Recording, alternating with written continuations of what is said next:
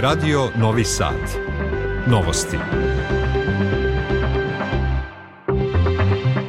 Dobar dan, ja sam Goran Pavlović. Ja sam Nikola Rausavljević. Vesti dana. Sastanci privrednih delegacija Češke i Srbije i otvaranje Češkog doma u Beogradu u čast posete odlazećeg predsednika Zemana. Vreme je za osnivanje zajednice opština sa srpskom većinom na Kosovu i Metohiji, tvrde zvaničici Šole i Escobar. E-saglasnost i e-uverenje o državljanstvu od danas na portalu elektronske uprave. U samoubilačkom bombaškom napadu u džamiji u Pakistanu više od 49 stradalih. Novak Đoković od danas ponovo na prvom mestu ATP liste. U Vojvodini do kraja dana umereno oblačno. Sutra više sunca i toplije, sa temperaturom do 7 stepeni. Prema poslednjim merenjima u Novom Sadu je 4 stepena. Ispred Palate Srbija predsednik Aleksandar Vučić upriličio je svečani doček za predsednika Češke Miloša Zemana. Nakon toga usledio je susret dvojice predsednika, ali i plenarni sastanak dveju delegacija, nakon čega je usledilo i potpisivanje zajedničke deklaracije o jačanju kulturne saradnje i uspostavljanju Češkog doma. Osim sa predsednikom Vučićem, predsednik Zeman razgovaraće i sa premijerkom Anom Brnabić. Opširnije Boro Lazukić.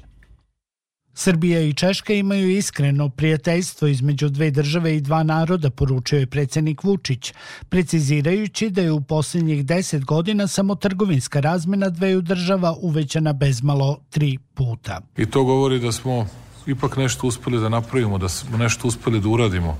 I mi smo dobili sada zvanične poslednje podatke, dakle, da je ukupna trgovinska razmena u 2022. godini za svih 12 meseci bila gotovo milijardu i 700 miliona evra. I verujemo da u godinama koje su pred nama, možda već i u 2023. pređemo tu liniju od 2 milijarde. Razgovarali su o bilateralnoj saradnji, uspešnoj poslovnoj razmeni kao i o međunarodnoj saradnji, potvrdio je predsjednik Zeman. Pošto je pomenuto kako se pre dve godine izvinio što je Češka dala saglasnost za prelazak aviona NATO tokom bombardovanja Srbije, on je konstatovao kako je to namerno uradio baš u Pragu. Rekao sam to namerno u Pragu, jer da sam to izgovorio ovde u Beogradu, moglo bi to da deluje da na neki način ni češki političari, ni češki mediji. ono što sam rekao nisu napadali. Predsednik udruženja Češka beseda Beograd Milan First izjavio je da će renovirani Češki dom koji će otvoriti predsjednici Srbije i Češke, Vučić i Zeman, sada ponovo koristiti Česima u Beogradu.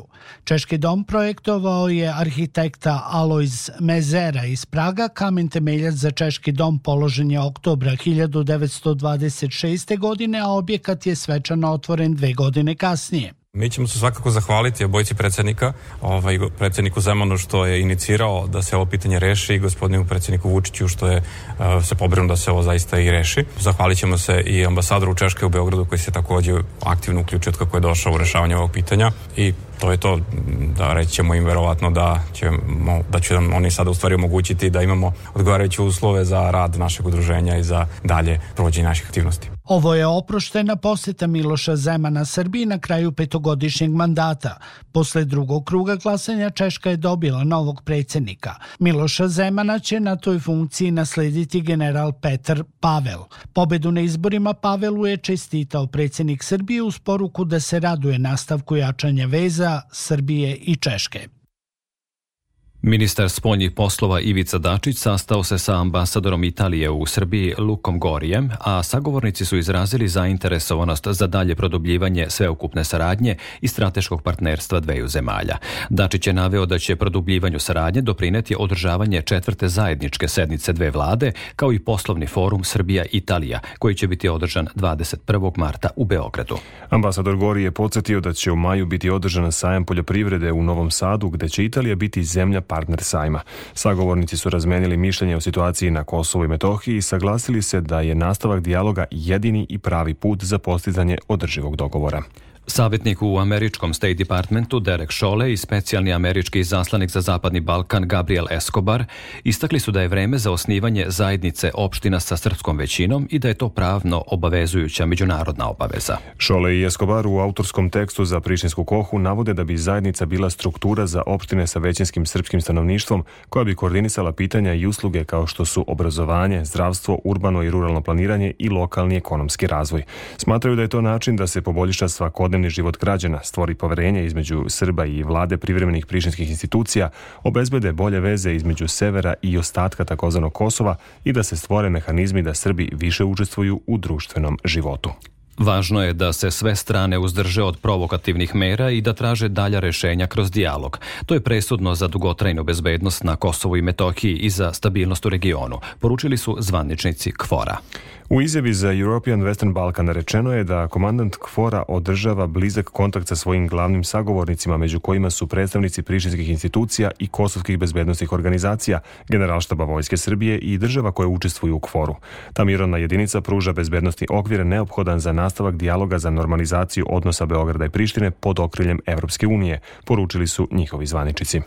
Kosovo je oteto od Srbije, to smo uradili mi i međunarodna zajednica, poručio je hrvatski predsednik Zoran Milanović, koji je prilikom posete Petrinji govorio i o ratu u Ukrajini i sličnostima između Krima i Kosova i Metohije. Govoreći o tome da li je reč o otimanju ili anekciji, konstatovao je da nije šija nego vrat i naveo da to nije dovođenje u pitanje Kosova, nego celog koncepta u kojem neko misli da ima pravo. Ono što radimo kao kolektivni zapad je duboko nemoralno, naglasio Milanović i situaciju u odnosima Zapada i Rusije nazvao maničnom. Slušate novosti. U ratom zahvaćenoj Ukrajini vode se žestoke borbe u Donjecku i bitke za Bahmut i Ugledar. Ruske snage izvode gotovo neprekidne napade. Situacija je veoma teška i zato je potrebna brža isporuka oružja i nove vrste naoružanja, kaže predsjednik Volodimir Zelenski. Mimo fronta razmenjene su oštre poruke na relaciji NATO-Moskva. NATO poručuje da je spreman za direktan sukob ako Rusija napadne zemlju članicu. Moskva odgovara da tom izjavom alijansa uvlači svet u nuklearni kolaps. Tokom jučerašnjeg dana sa fronta su stizali izveštaji o ruskom granatiranju u Hersonu, gde su, kako tvrdi ukrajinska vojska, gađena stambena područja. S druge strane, čelnici Zaporoške oblasti koju kontroliše Rusija tvrde da je u Melitopolju granatiran most. Obe strane izvestile su o više žetava u granatiranju. Nemački kancelar Olaf Scholz izjavio je da je neophodno nastaviti telefon telefonske razgovore s ruskim predsjednikom Vladimirom Putinom kako bi svet izašao iz trenutne situacije. Uslovi za to su jasni, povlačenje ruskih trupa, dodao je Scholz. U gradu Peševaru na severozapadu Pakistana danas se dogodila eksplozija u džamiji tokom molitve u kojoj je poginulo najmanje 27 osoba. Eksploziju je izazvao bombaš samoubica. Policijski zvaničici su saopštili kako se deo zgrade urušio i kako se veruje da su ljudi i dalje zarobljeni ispod ruševina. Port parolo bolnice Lady Reading u Pešavaru izjavio je da ima više od 147 povređenih, od kojih je nekoliko u kritičnom stanju. Od ostalih vesti iz regiona i sveta za novosti još izdvajamo. Osmoro ljudi je ubijeno, a troje ranjeno u pucnjavi koja se dogodila na rođendanskoj zabavi u južnoafričkoj provinciji Istočni Cape, saopštili su zvaničnici policije. Nesreća se dogodila kada su dvojica naoruženih napadača otvorila vatru na goste zabave. Kako je navedeno, osumnjičeni nisu uhapšeni, a okolnosti incidenta se istražuju. Komesar južnoafričke policije tvrdi da su oruženi napad sa ljudskim žrtvama izveli tamošnji kriminalci i obećava sveobuhvatnu istragu. Holandska kompanija Philips otpustit će oko 6000 zaposlenih širom sveta, što je 8% ukupnog broja zaposlenih, zbog nepredviđenih troškova nastalih povlačenjem sa tržišta medicinskog aparata za lečenje problema sa spavanjem. Polovina planiranih otpuštanja biće sprovedena ove godine. Kako se navodi, Philips se najnovim otpuštanjima pridružio sve većem broju proizvođača koji smanjuju troškove kako bi se izborili sa previranjima u lancu snabdevanja i inflacijom. Slovenačka obaveštajno-bezbednostna služba u saradnji sa Nacionalnim istražnim biroom otkrila je i uhapsila u Ljubljani dvojicu stranih državljana za koje se sumnja da su ruski špijuni. Osumnjičeni su uhapšeni u iznajmljenoj kancelariji u poslovnoj zgradi u Ljubljani, prenosi slovenačko delo. Predkrivični postupak je pokrenut u okružnom državnom tužilaštvu u Ljubljani na osnovu saopštenja slovenačke obavešteno-bezbednostne službe SOVA. Potres jačine 5,8 stepeni Richterove skale pogodio je južni Xinjiang u Kini, saopštio je Evropsko-mediteranski seizmološki centar. Zvanična kineska novinska agencija Sinhua javlja da u zemljotresu nema povređenih, niti je pričinjena značajna materijalna šteta.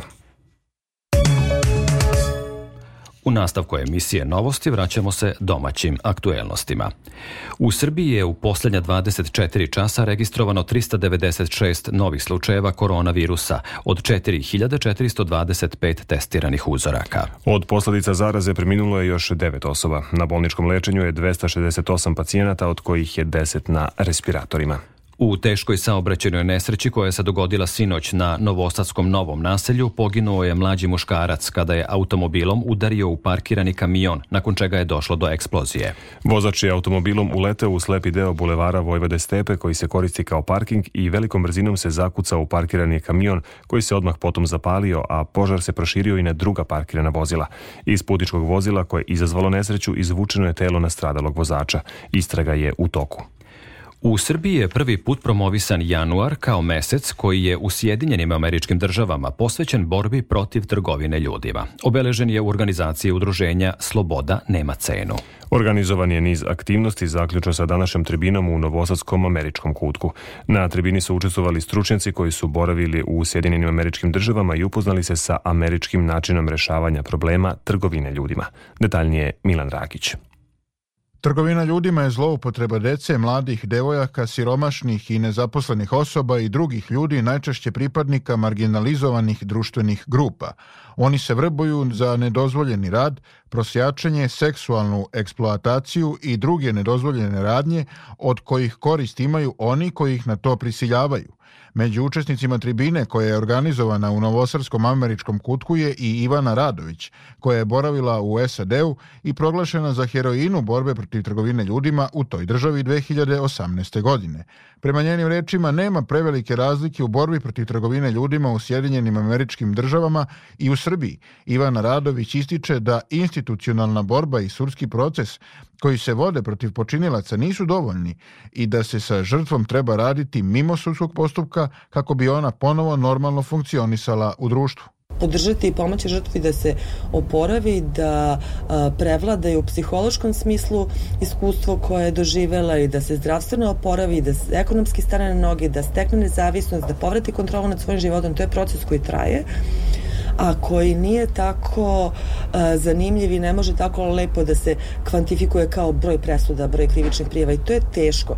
Volonter udruženja Sloboda nema cenu Mitar Đurašković istakao je da je neophodno podizati svest građana o prevenciji trgovine ljudima putem organizovanja tribina, kroz medije i mnogim drugim načinima. Čitanjem knjiga ovde nekih iz, iz američkog kutka ili kao što vidite ovde gledanjem nekih filmova ili dalje da se pridruže aktivnostima u prevenciji borbe protiv ljudima. Da nije samo ovaj, borba protiv ljudima tako što će policija da goni kriminalce, tužilaštvo i sud da ih procesuira. Mesec prevencije trgovine ljudima u Sjedinjenim američkim državama obeležava se u januaru, u Evropi u oktobru, dok su Ujedinjene nacije proglasile 30. juli kao dan prevencije trgovine ljudima. Na taj način se aktivnosti prevencije organizuju tokom čitave godine, kako bi se tom problemu stalo na put. Uprkos izazovima kojih je zbog ubrzanog razvoja tehnologije sve više, svest građana o značaju zaštite ličnih podataka raste, rečeno je na konferenciji povodom Međunarodnog dana zaštite podataka o ličnosti, izveštava Natalija Dojčinović. Sve više opasnosti po zaštitu podataka o ličnosti koje donosi digitalizacija i razvoj veštačke inteligencije.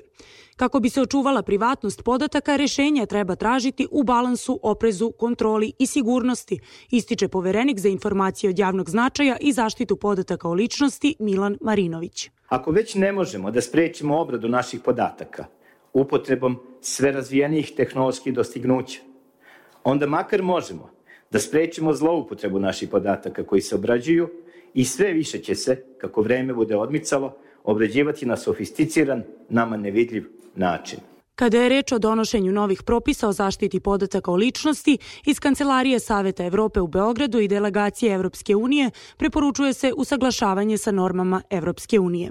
Od strane misije OEPS-a pohvaljen je rad na strategiji zaštite podataka o ličnosti koja će biti završena u februaru. Na konferenciji je predstavljena i osma publikacija o primjeni zakona o zaštiti podataka o ličnosti sa brojnim primerima, a predstavljena je i brošura za decu izrađena u cilju edukacije najmlađih.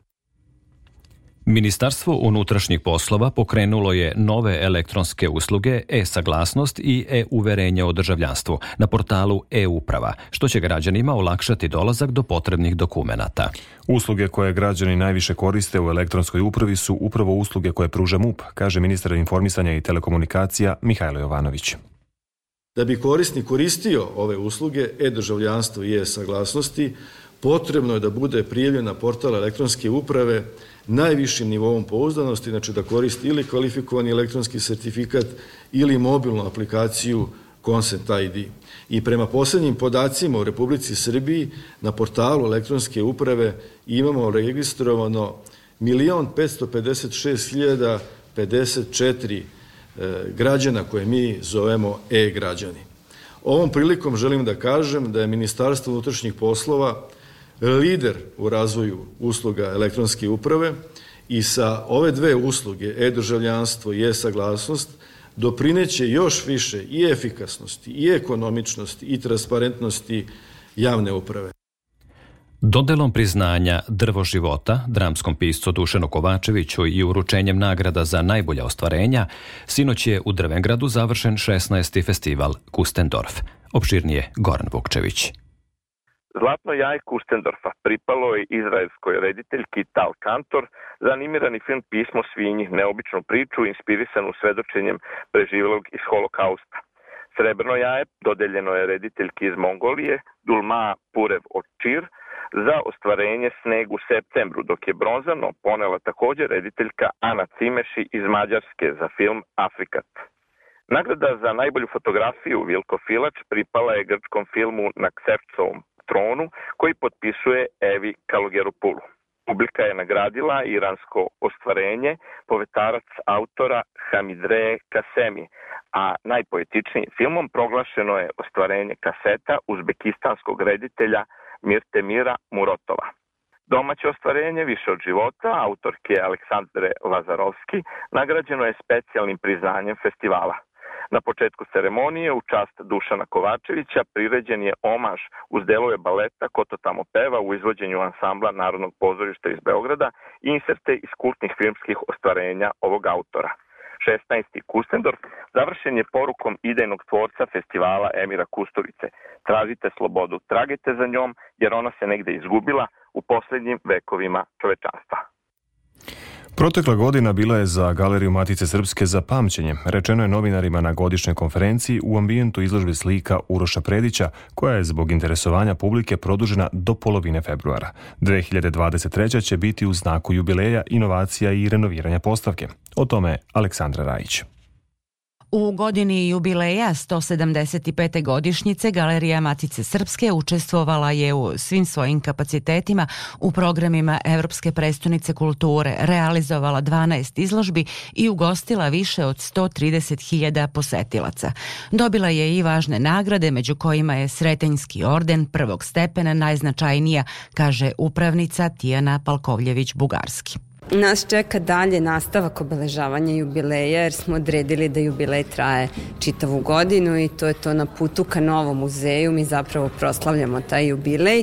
Biće puno programa, biće puno aktivnosti, ali ono čemu težimo ove godine jeste adaptacija izložbenih sala, unapređenje sistema rasvete i nova stalna postavka. Početkom jeseni u saradnji sa galerijama iz Beča naši će muzealci predstaviti paralele između Gustava Klimta i Paja Jovanovića, a godina jubileja jubileja biće završena velikom izložbom slika Vase Pomorišca. Iz sporta, ukratko za novosti, rukometaši Vojvodine večeras od 18 časova u sportskom centru Slana Bara na Klisi dočekuju makedonski pelister u drugom kolu grupne faze Seha lige. Srpski šampion, podsjetimo, slavio je na startu tog regionalnog takmičenja nad hrvatskim Nekseom.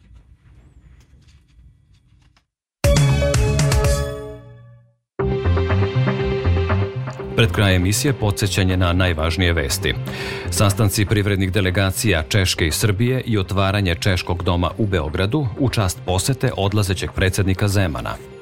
Vreme je za osnivanje zajednice opština sa srpskom većinom na Kosovo i Metohiji, tvrde zvaničnici Šole i Eskobar. E-saglasnost i e-uverenje o državljanstvu od danas na portalu elektronske uprave. U samoubilačkom bombaškom napadu u džamiji u Pakistanu više od 49 stradalih. Novak Đoković od danas ponovo na prvom mestu ATP liste. Prema poslednjim merenjima u Novom Sadu je 4 stepena. Da čujemo i opširniju prognozu. U Vojvodini utrak pretežno suvo sa mrazem ujutru i slabom dumarom oblačnošću tokom dana sa sunčanim intervalima, a dnevna temperatura u manjem porastu odnosu na ponedeljak. Samo na jugu Banata sa šansom za slabu kišu povremeno, vetar slab severozapadni, pretisak iznad normale, minimalna jutarnja temperatura od minus 3 do minus 1, a maksimalna od 5 do 7 stepeni. Za Radio Novi Sad, Žika Pavlović, Meteos. Slušali ste novosti prvog programa radija Radio Televizije Vojvodine. Sve vesti iz zemlje i sveta možete pronaći na našoj internet stranici rtv.rs, gde ovu emisiju možete slušati odloženo. Novosti tonski realizovao Mladen Branković, producenkinja Branislava Stefanović. Pred mikrofonom bili urednik Goran Pavlović i Nikola Rausavljević. U nastavku programa sledi Radio Sport. Hvala na pažnji.